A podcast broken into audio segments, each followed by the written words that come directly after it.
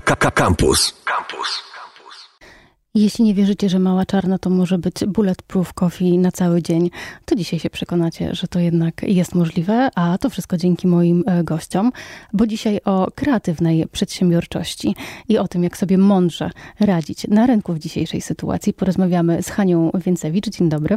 Dzień dobry. E, Hania jest założycielką Right Career, specjalistką do spraw doradztwa zawodowego i zarządzania karierą także w czasach e, kryzysu i Artur Szczęsny. Cześć. Cześć, dzień dobry. Który razem z Grzegorzem Kienigsmanem założyli agencję Rebelia Media i będą reprezentować, znaczy będzie dzisiaj, bo Grzegorza z nami nie ma, Artur dzisiaj reprezentuje tę część przedsiębiorczą e, w wydaniu e, twórczym. Czy pomiędzy przedsiębiorczością a kreatywnością można dzisiaj stawiać znak równości? Hmm. Artur. Bardzo trudne pytanie na dzień dobry. Bo zawsze żeśmy wszyscy myśleli, że e, kreatywność to już nie przedsiębiorczość, a tak naprawdę wydaje mi się, że szczególnie w naszej branży, w której ja pracuję, e, nie ma przedsiębiorczości bez kreatywności, ponieważ tak naprawdę niezależnie od tego, czy jest czas pandemii, czy jest czas spokoju i, i taki fajny, kiedy, który był przed marcem tego roku, to po prostu kreatywność była nieodłączną częścią naszej pracy. Myśmy musieli być kreatywni, żeby móc oferować e, różne fajne usługi i rozwiązania e, naszym klientom e, i, i jakby to zawsze było u nas, szło równolegle. Czyli to DNA i ta kreatywność wpisana w DNA była dla Was, była czy nie była pomocą w momencie, kiedy sytuacja się zmieniła? Troszkę na gorsze jednak. Hmm, e to jest Kolejne trudne to jest pytanie. trudne pytanie, bo, bo tak naprawdę y, my cały czas jesteśmy w, w bardzo podobnym miejscu, dlatego że mm, ja reprezentuję tą branżę, która jest cały czas zamknięta, która już pod koniec ubiegłego roku y, odczuwała nadchodzący kryzys, bo tak nam y, biznes mówił, że, że ten rok będzie trudny, bo będzie kryzys a tu bum, w marcu przyszło zupełnie co innego, czego się nikt nie spodziewał i ten kryzys w ogóle nie jest takim kryzysem, na który myśmy się wszyscy przygotowywali. E, ja reprezentuję branżę tak zwaną e, turystyczną e, i branżę spotkań i ta branża tak naprawdę e, obrywa od, tak jak mówię, od końca zeszłego roku, a od stycznia to Bardzo branża mocno. turystyczna już nie wiedziała, co się dzieje, dlatego że firmy zaczęły odwoływać wyjazdy zagraniczne, klienci indywidualnie również, bo, zaczęło, bo był wybuch pandemii już na całym świecie tak naprawdę, o czym do nas docierało oczywiście te informacje, ale jak ale ludzie reagowali sami. Dopiero w marcu, kiedy zareagował nasz rząd, zareagowały inne kraje, no to wtedy już nam wszystko Pojawiły zamknęli. się systemowe rozwiązania. Tak, to wtedy już było wszystko zamknięte i, i na pewno to, że my jesteśmy kreatywni, gdzieś nam to pomaga przetrwać ten trudny czas, choć nie można powiedzieć, że to załatwia sprawę. Lekarstwo na wszystko. Haniu, ty zajmujesz się doradztwem nie tylko e, dla wielkich korporacji, ale też dla indywidualnych ludzi, którzy przychodzą do ciebie ze swoimi problemami, z wyborem dalszej drogi, ścieżki zawodowej. Jak u ciebie wygląda kwestia przedsiębiorczość, taka indywidualna versus kreatywność? Powiem szczerze, że myślę, że ta sytuacja w marcu e, czy, czy na początku roku e, bardzo e, po pierwsze mnie zaskoczyło. Myślałam, że są branże, które są stabilne i tak naprawdę nic, Nic im nie straszne. nic im nie straszne. Okazało się, że w sumie tak naprawdę nie ma takiej branży, która byłaby absolutnie bezpieczna. I to, to, jest, to jest sygnał, który mówi nam, że generalnie po prostu bez tej kreatywności ta przedsiębiorczość może być w przyszłości bardzo zachwiana. Jakie firmy sobie najlepiej poradziły? Te właśnie, które bardzo szybko zareagowały. Jak zauważyłam, no, są firmy, które zaczęły produkować maseczki w Chinach i dlatego przetrwały. Oczywiście to nie jest już tak dobry biznes, ale w pewnym momencie po prostu był to deficyt rynkowy. I zauważyłam tak, że jest w sumie z każdym przedsiębiorstwem. Marki, które przetrwały, nawet restauracje, które zaczęły sprzedawać na wynos. Są restauracje, które sobie słabo radziły, a, są, a byli jednak przedsiębiorcy, którzy przestawili się bardzo szybko na dowóz. Oczywiście ich obroty spadły, ale utrzymały się na rynku. No i też jak zauważyłam, jakby broni się jakoś. Po tej e, całej sytuacji e, poszłam do najlepszych e, restauracji, najbardziej obleganych. Pierwszego dnia, kiedy się wszystko otworzyło, zobaczyłam, że nie ma ludzi, jednak również w tych miejscach, ale odbudowało się. Tak jak widzę teraz, już nie narzekają na klientów i generalnie tak jest w każdej branży, również w eventowej zauważyłam mm, tak naprawdę, że już są też organizowane szkolenia. Powiem szczerze, ja też również się przestraszyłam przez chwilkę w, swoim, w swojej działce poszukiwania pracy, rekrutacji. E, nagle, w, ponieważ myślałam, że tego to również nie dot, e, ta sytuacja nie dotknie mojej działki, bo przecież jestem jakby we właściwym miejscu, w sytuacji kryzysowej na rynku. E, nagle po prostu duża firma, duża marka, e, zwolnienia 600 osób, e, za, zamyka mi projekt, gdzie, gdzie była już tak naprawdę wy, wy, wygrana, nie dają programów outplacementu, nie dają wsparcia, e, gdzie jest taka duża sytuacja, więc to było takie pierwsze uderzenie, że straciłam bardzo duży kontrakt. E, no potem po prostu projekty, które się zadziały, zatrzymały się e, zamrożone rekrutacje, więc generalnie nie ukrywam, że po prostu w pewnym momencie pomyślałam, kurde, ja też nie jestem w takiej dobrej sytuacji. Natomiast e, oczywiście wszystko się już teraz poodmrażało. Trzeba było trochę ponaciskać klientów. E, natomiast e, to mi uświadomiło, że nie ma takiej pewnej branży, która jest. Natomiast wa ważne, żebyśmy byli kreatywni, żebyśmy szukali rozwiązań, żebyśmy. Mm, a zawsze poszukuje się e, dobrych rozwiązań, kiedy jesteśmy jednak niezałamani sytuacją. Pojawił się w naszej rozmowie o kreatywności e, wątek e, ingerencji mm, państwa w momencie, kiedy już było potwierdzone, mamy epidemię. Państwa musiały się jakoś, państwa rządy do tego e, ustosunkować. No to chciałam Was zapytać, bo jesteście na rynku od wielu, wielu lat, obydwoje. Miłość, braterstwo, partnerstwo, jakie relacje powinny panować na linii przedsiębiorca-państwo? Ja myślę, że przede wszystkim e, państwo nie powinno traktować przedsiębiorców jako złodziei. A bardzo często, niestety, tak jesteśmy traktowani. E, co więcej, to, to traktowanie nas przez państwo, że jak ktoś prowadzi firmę, to znaczy, że jest złodziejem, e, przekłada się też na kontakty z ludźmi, bo ludzie również traktują nas, przedsiębiorców, jako e, złodziei, dlatego że mamy, nie wiem, jeździmy fajnym samochodem, mamy fajne mieszkanie, i oni patrzą przez ten pryzmat, że jak ma tak, to znaczy, że ukradł. I to jest najgorsza rzecz, która tak naprawdę pokutuje w naszym społeczeństwie i w naszych relacjach z państwem, e, z rządem, e, bo tak naprawdę my podnosimy przede wszystkim bardzo duże ryzyko. Dlatego, że to na naszych barkach spoczywa odpowiedzialność za to, czy e, będziemy mieli pieniądze na to, żeby zapłacić naszym pracownikom, czy będziemy mieli pieniądze na uregulowanie naszych zobowiązań, które zaciągamy i z tą, e, z taką, w takiej właśnie sytuacji znaleźliśmy się w marcu, bo wielu z nas miało pozaciągane tak naprawdę zobowiązania względem przyszłych kontraktów, które nie mogły być zrealizowane i, i tak naprawdę zostaliśmy z tym sami. Co my sobie z tym poradzi- jak my sobie z tym poradzimy, nikogo nie interesowało. Nie interesowało to ani, naszy, ani ludzi, którzy są dookoła, ani też trochę tak naprawdę nasz rząd.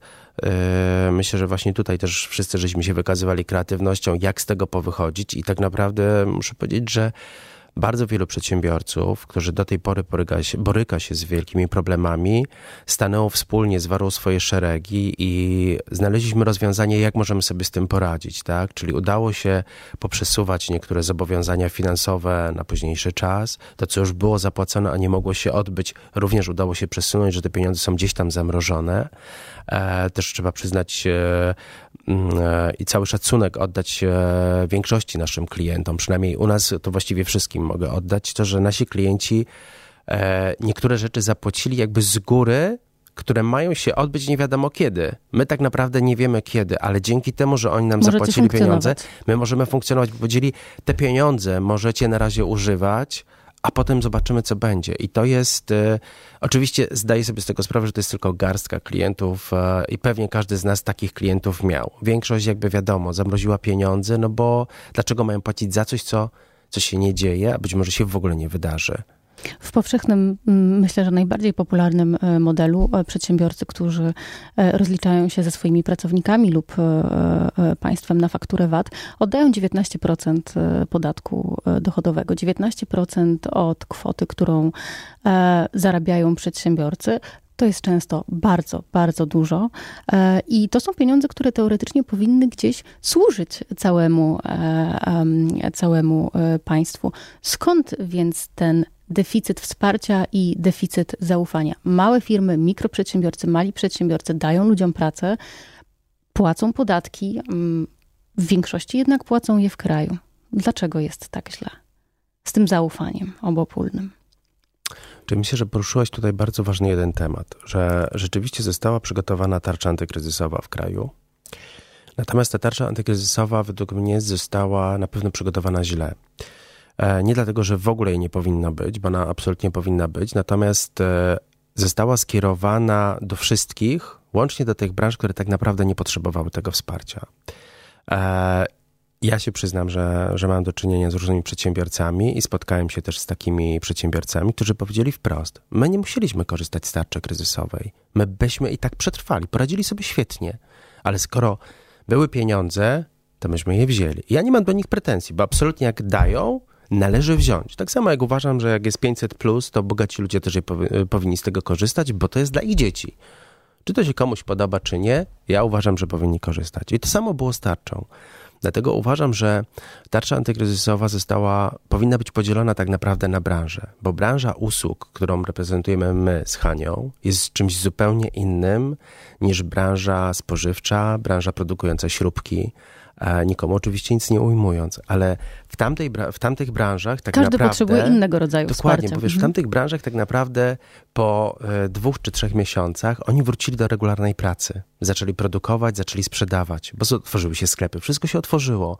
My w naszej branży usługowej nadal stoimy i czekamy, czyli my nie jesteśmy w stanie zarabiać pieniędzy. Nie jesteśmy w stanie jakby sprzedać trzy razy więcej usług za chwilę, bo po prostu nie będziemy fizycznie w stanie ich sprzedać. I nie będzie też takiej potrzeby na rynku.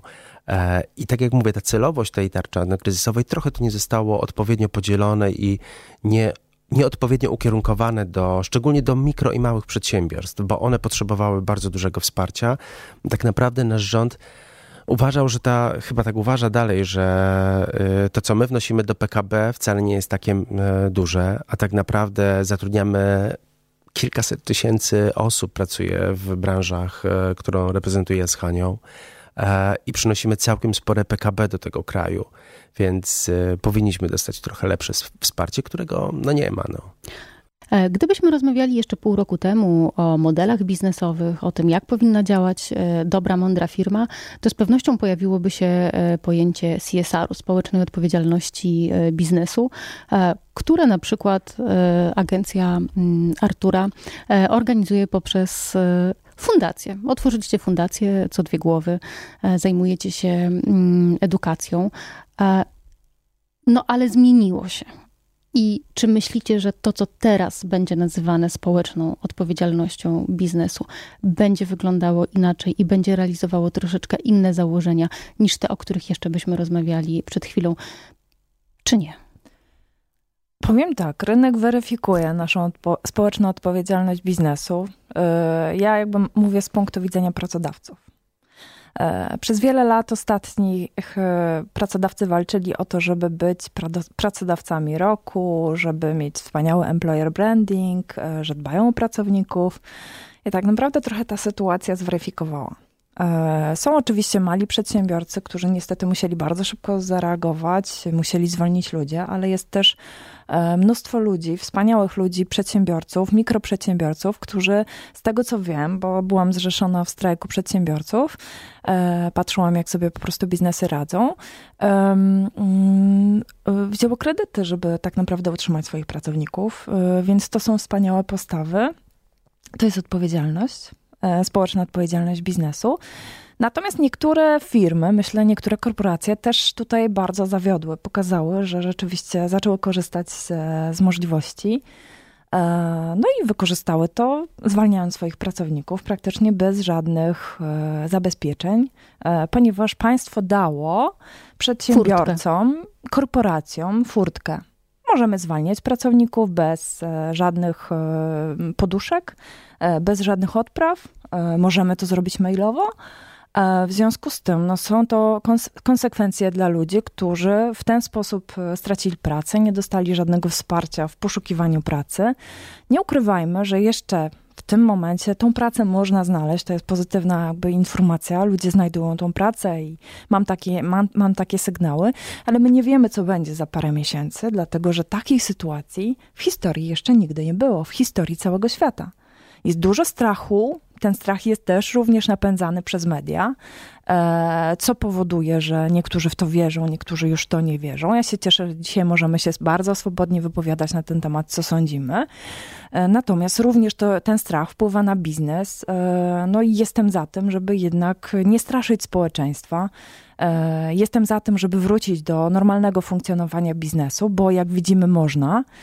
E, też normalnie jakby funkcjonować e, i działać, ponieważ to, to wszystko nie prowadzi jakby do dobrego. Natomiast sytuacja kryzysowa, Małgosiu, weryfikuje to, czy biznesy są odpowiedzialne społecznie. Jaki teraz będzie e, Twój pomysł na społeczną odpowiedzialność, albo jak uważasz, że powinno to wyglądać, Artur? Wiesz co, no my z naszej jakby perspektywy Mm, ja mówię jako mikroprzedsiębiorca, no to my postąpiliśmy tak jak Kania powiedziała, to znaczy my generalnie zadłużamy się w tej chwili e, co miesiąc na coraz większe pieniądze mm, po to, aby utrzymać e, firmę funkcjonującą, a dwa, absolutnie aby utrzymać zespół, dlatego że my wiemy, że tak naprawdę całą wartością firmy, e, w przypadku takich firm jak my, usługowych, to są ludzie. I tak naprawdę stracenie ludzi równa się z przestaniem istnienia firmy, tak? Firma przestaje istnieć, potracimy fajnych ludzi. Więc myśmy postanowili sobie za cel absolutnie utrzymać e, ludzi, redukując wszelkie możliwe koszty i dalej je tniemy, e, opuszczając choćby w tej chwili biuro, które bardzo lubiliśmy ale po to, żebyśmy mieli jeszcze na wypłatę ludziom, gdzie myśleliśmy, że po trzech miesiącach my tak naprawdę zaczynamy powoli pracować i wracać do, do normalnej rzeczywistości, a okazuje się, że my nie wiemy, kiedy wrócimy, bo rząd nam też nie mówi, kiedy ma plany otworzenia naszej części gospodarki. To, co Hania powiedziała, tak naprawdę należałoby to już powoli wszystko otwierać i wracać do, do normalności, bo kurczę, no dziewczyny, jak idziemy ulicą, jak wchodzimy gdziekolwiek, wszyscy jesteśmy bez maseczek. Co jest oczywiście nieodpowiedzialne i ja tego nie, nie mówię, że to jest dobre, ale jesteśmy bez maseczek oswoiliśmy się z tym, że pandemia jest i że ona z nami będzie, że ten wirus z nami będzie. E, słuchamy bzdur, które mówi nasz premier, że właściwie wirusa nie ma i że on jest bezpieczny i idźcie na głosowanie. Ja w ogóle zachęcam do tego, aby pójść na głosowanie. Tylko słusznie zagłosować, pamiętajcie. Eksperci, e, lekarze, lekarze, e, eksperci jednak biją na alarm, że powinniśmy biją. się pilnować Słuchaj, w tej no biją, sytuacji. No bo, bo wiesz, bo jeżeli ktoś wychodzi i mówi do społeczeństwa, że nie ma e, zagrożenia, no to ja, moja myśl kolejna jest taka, ojej, czyli w poniedziałek wychodzi premier i mówi, wracamy do pracy, słuchajcie, otwieramy 100% gospodarki, bo nie mam się czego przejmować. Czy tylko nie ma epidemii, dlatego że są wybory. Um, i, I, myślę, że tak naprawdę my musimy też bardzo odpowiedzialnie podchodzić, myśląc o naszej przyszłości i planując wszelkie wydatki, a przede wszystkim to, do czego zachęcam moich kolegów, którzy prowadzą firmy, a słyszałem, że tak się nie dzieje, rozmawiajcie ze swoimi pracownikami. Mówcie im, jak wygląda wasza sytuacja finansowa. Wiem, że to nie jest łatwe. E, mówcie im, jakie są wasze plany. Nie mówcie im, przyjdźcie jutro normalnie do pracy, po czym jut- kolejnego dnia dajecie im wszystkim wypowiedzenia, a wiem, że to się zdarzało. Nie, usiądźcie i powiedzcie, dlaczego musicie tych ludzi zwolnić. Bo wszyscy jesteśmy ludźmi i wiemy, że jeżeli my nie zarabiamy jako firma, no to nie mamy z czego płacić. To jest proste, ale po prostu trzeba rozmawiać. E, Hania też poruszyła duże korporacje. Wiem, że są korporacje, mm, które zwalniały ludzi i zwalniają. E, nie ma co ukrywać, będą zwalniać, dlatego że Excel musi się na końcu zgadzać w jakiś przynajmniej sposób.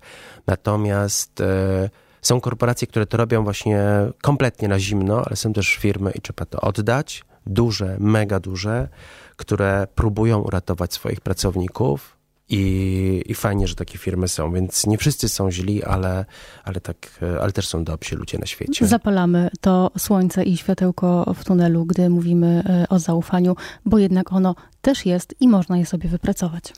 O systemie edukacji szkolnej mówi się już od lat, że jest nieprzystosowany do współczesnego świata, że nie uczy dzieci myśleć, e, że nie sprawdza się, nie przystaje do, do, do współczesności. A jak to jest y, z nauką w biznesie i z tymi nowymi technologiami, o których mówi się, że są e, kompletną przyszłością? To, że możemy zrobić na przykład online, Artur, to u ciebie jest, zresztą u ciebie Haniu też, tak?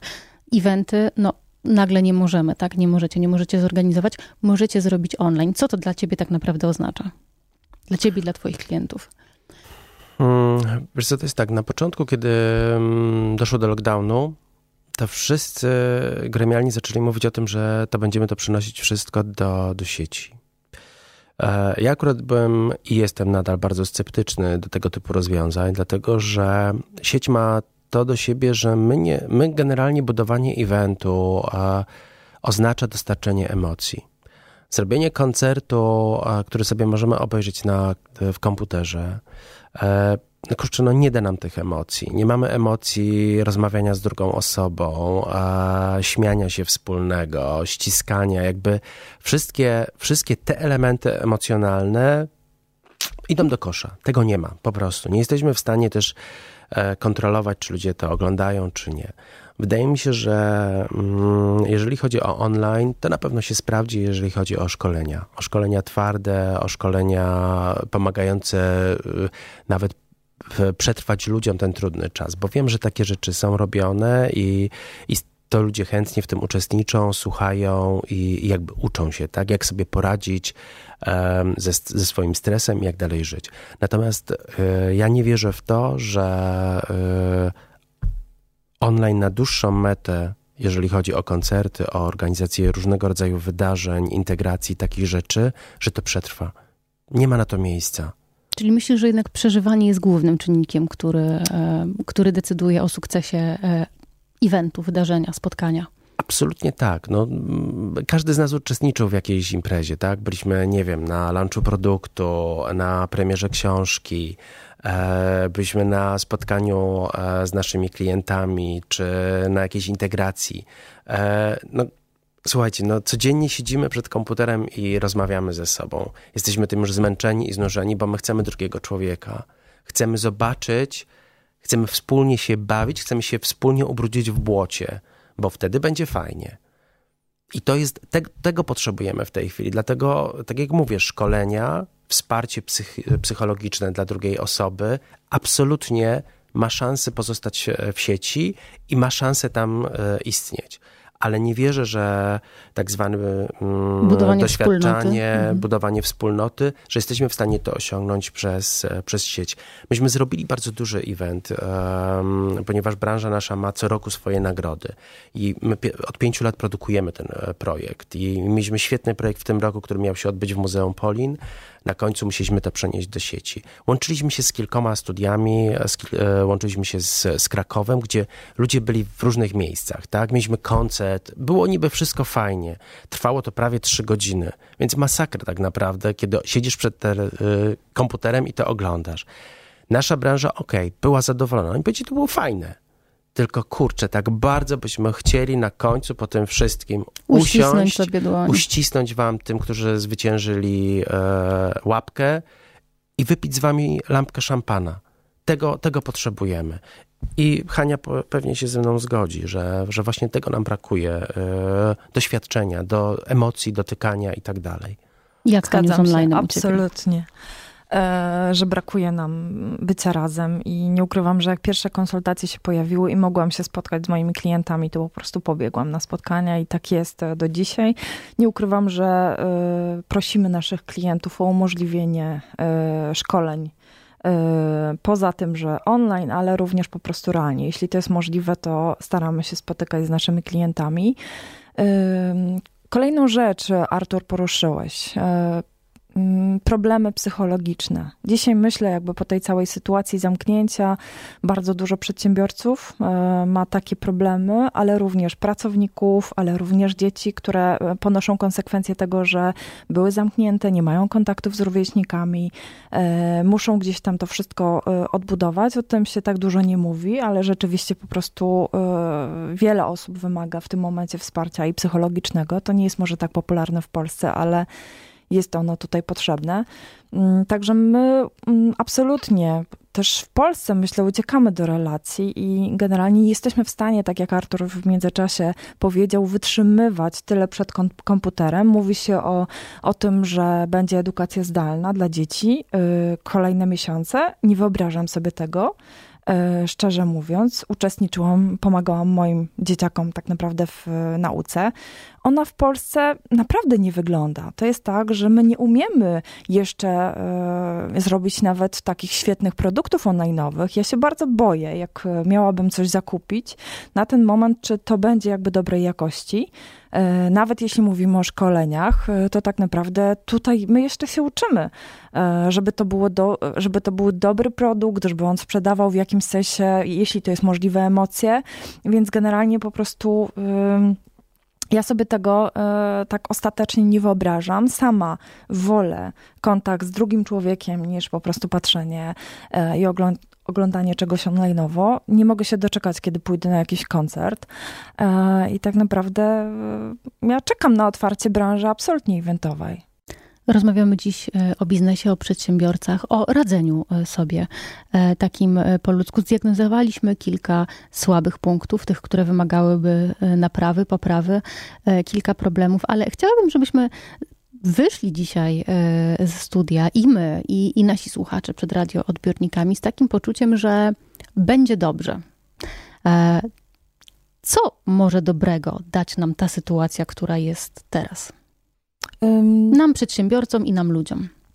Przede wszystkim myślę, że ta sytuacja pokazała, że, że nie ma nic pewnego że tak naprawdę to nie jest tak, że, że możemy być, być pewni czegoś, pewni biznesu. Natomiast tak naprawdę to też pokazuje, że powinniśmy mieć może więcej więcej nóg biznesowych. Ja zawsze o tym mówię, e, czy w, karierze, czy w karierze zawodowej, że powinniśmy mieć wiele planów i uważam, że taka strategia się trochę też sprawdza, żeby mm, mieć e, takie przekonanie, że wszystko może się zdarzyć w przyszłości. My, my ciągle o tym zapominamy, że generalnie po prostu życie może nam zrobić psikusa, inni ludzie, sytuacja ekonomiczna, zdarzają się kryzysy i powinniśmy troszkę w jakimś sensie się na to przygotować. To jest tak, jakieś oszczędności w biznesie, Niektórzy komentowali tak naprawdę na portalach społecznościowych, że jak to przedsiębiorca, ale on tak naprawdę nie ma żadnych e, odłożonych pieniędzy, że jego ta sytuacja zabija, tak naprawdę kryzysowa. To są ogromne koszty, e, który, e, o których my nawet sobie nie zdajemy sprawy. Jakie są koszty wynajmu lokalów, jakie są po prostu koszty pracowników,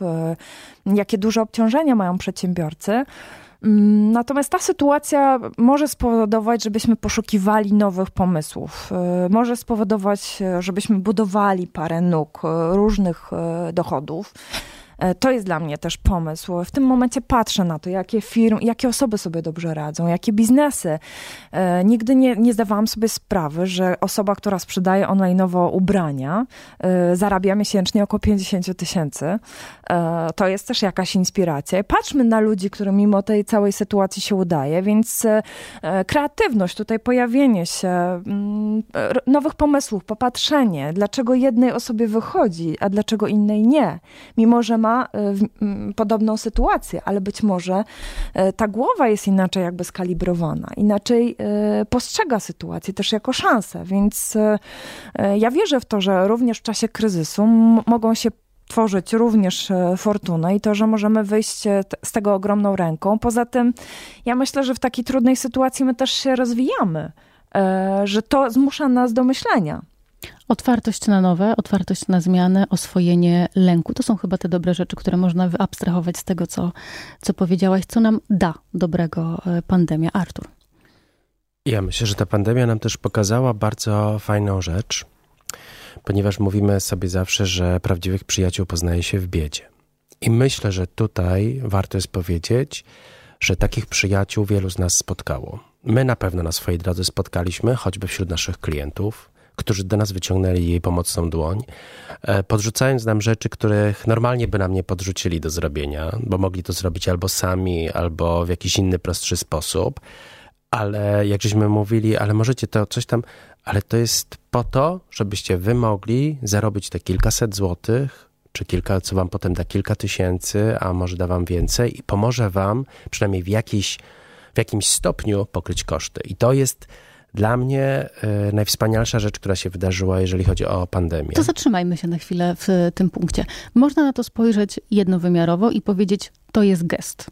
Życzliwy gest klienta względem y, firmy, która go obsługuje.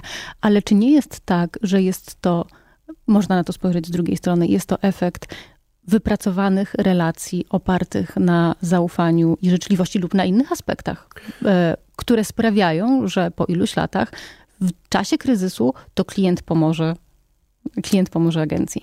Znaczy na pewno tak. To y, oczywiście te sytuacje, o których ja mówię, one są związane z naszymi relacjami, ponieważ my z tymi ludźmi pracujemy dość długo, a, bo to jest y, kilka lat. Y, I od samego początku budowaliśmy zaufanie. Oni wiedzieli, że mogą nam zaufać, my wiedzieliśmy, że możemy im zaufać. Myśmy stworzyli, tworząc jakby w ogóle firmę, założyliśmy, powiedzieliśmy sobie, że my nie chcemy pracować dla klienta, bo to jest okropna rzecz. My chcemy pracować z klientem. I zawsze traktowaliśmy sukces klienta jako tak naprawdę nasz sukces. Czyli jak się udała impreza, to myśmy się tak cieszyli, jakby to była nasza własna impreza, bo to nam daje frajdę wtedy. I myślę, że to spowodowało właśnie tą na końcu, że w momencie, kiedy zaczęła się pandemia, że oni chcieli nam pomóc, tak? Jakby, że szukali rozwiązania, bo w tych normalnych czasach przed pandemią, jeżeli coś się waliło i paliło, czy to z naszej strony, czy ze strony klienta, myśmy zawsze mogli usiąść i porozmawiać. Słuchajcie, jest tutaj problem, i spróbujmy znaleźć rozwiązanie. Nigdy nie było takiej sytuacji, że musieliśmy do końca walczyć i ukrywać przed klientem, że coś jest nie tak, bo baliśmy się, bo nas weźmie i wywali z tego projektu, bo coś jest. Nie. Myśmy na tyle zbudowali relacje już przed pandemią, że mogliśmy rozmawiać o tym zawsze szczerze. I myślę, że teraz po tej pandemii e, tym bardziej jeszcze szczerze będziemy rozmawiać zawsze i z naszymi ludźmi, którzy z nami pracują, z naszymi kontraktorami, jak i właśnie głównie z klientami. I myślę, że ta pandemia pokazuje nam też, że, żebyśmy to dobrze, bo rozmawiamy o przedsiębiorcach e, i cały czas poruszamy tam relacje, ale ta sama relacja pojawiła się, znaczy jakby te same czynniki pojawiają się w naszym życiu prywatnym, bo zwróćmy uwagę, jak e, co się zadziało, kiedy był lockdown, gdzie kto do nas dzwonił, gdzie myśmy dzwonili, z kim żeśmy rozmawiali, kto się pytał, czy potrzebujesz pomocy, czy nie. Okazuje się, że tam też działa dokładnie ta zasada, że prawdziwych przyjaciół poznaje się w biedzie. I tu Mamy tego e, naprawdę oczywisty dowód. Hania tutaj wcześniej mówiła, e, że po tej pandemii e, ma nadzieję, że nasze relacje będą się z ludźmi pogłębiać i, i ja się z Hanią zgadzam. Myślę, że ona coś nam więcej za chwilę na ten temat powie.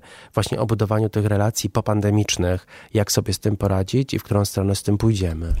Myślę, że mamy do czynienia z taką sytuacją, w której mamy w studiu tak naprawdę dwoje weteranów, bo można tak powiedzieć, biorąc pod uwagę, ile lat jesteście e, na rynku, ile lat jesteście aktywni e, e, zawodowo i to w zasadzie z sukcesem. A, a, słuchają nas ludzie młodzi, ludzie, którzy być może przyjdą do ciebie, Haniu, zapytać, jak pokierować swoją karierą, albo być może przyjdą do ciebie na staż, do twojej agencji. Gdybyście mieli coś im podpowiedzieć, doradzić tym ludziom młodym wchodzącym w biznes, to co by to było? Właśnie, relacje. Ja powiem szczerze, prowadzę już e, biznes e, sama niezależnie, to dopiero od trzech lat, ale przecież 20 lat w korporacji zajmowałam się sprzedażą i do dzisiaj tak naprawdę najważniejszą rzeczą, e, podobnie jak u Artura, moi klienci płacą mi na czas albo przed czasem. Więc generalnie po prostu ja nie, nie mam problemów z płynnością finansową, bo jest to taka duża lojalność, ale co się za to przekłada? E, coś, co, co za tym stoi? Bliskie relacje z klientami to, że jest jakość usługi, to, że jesteśmy blisko, to, że rozumiem biznes klienta, to, że jestem blisko mojego klienta i to najpiękniejszą rzeczą, jaką możemy sobie dać, to jest bliskość e, z innymi ludźmi, e, budowanie relacji, e, budowanie kontaktów, bo tak naprawdę to też przekłada się na rozwój biznesu. To jest sprzedaż. Relacja to jest sprzedaż. To ja tutaj e, dorzucę od siebie, to też Hania powiedziała, więc powtarzam trochę jak papuga teraz wychodzi na to, ale Hania powiedziała o dywersyfikacji swojego biznesu. To ja radzę tym wszystkim, którzy wchodzą w świat biznesu i myślą o swojej własnej firmie.